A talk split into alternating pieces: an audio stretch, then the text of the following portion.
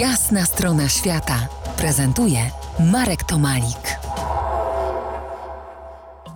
Stowarzyszenie Przyjaciół Nowicy organizuje plenery dla malarzy zrzeszonych wokół y, współczesnych ośrodków ikonopisania w Polsce, na Ukrainie, Białorusi i Słowacji.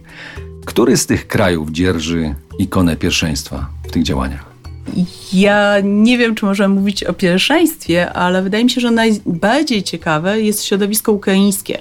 Szczególnie środowisko jako związane z mm, Lwowską Akademią Sztuk Pięknych, gdzie powstała po 1991 roku Katedra Sztuki Sakralnej i gdzie rzeczywiście e, kształci się dojrzałych artystów, którzy nie boją się mówić swoim własnym językiem w ikonie, jednocześnie dotrzymując e, wytycznych teologicznych.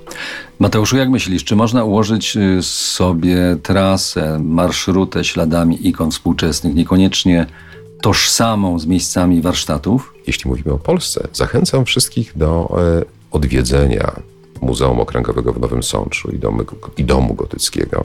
Zachęcam wszystkich do tego, żeby śledzili to, co robi Stowarzyszenie Przyjaciół Nowicy, dlatego że my rocznie organizujemy około 10 wystaw.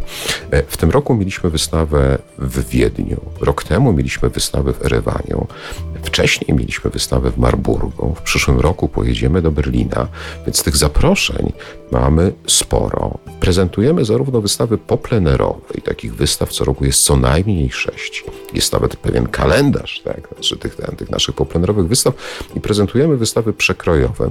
Najbliższa e, zacznie się w październiku w Muzeum w Białymstoku. Ja myślę, że na pewno warto jeszcze odwiedzić kaplicę w Nowicy, gdzie znajduje się ikonostas Luby Jackich, jednej z największych i najważniejszych współczesnych ikonopisarek to jest takie miejsce trochę dla wtajemniczonych, tak? bo, bo kaplica nie zawsze jest dostępna, chociaż jest to niewątpliwie jedna, z atrakcji regionu.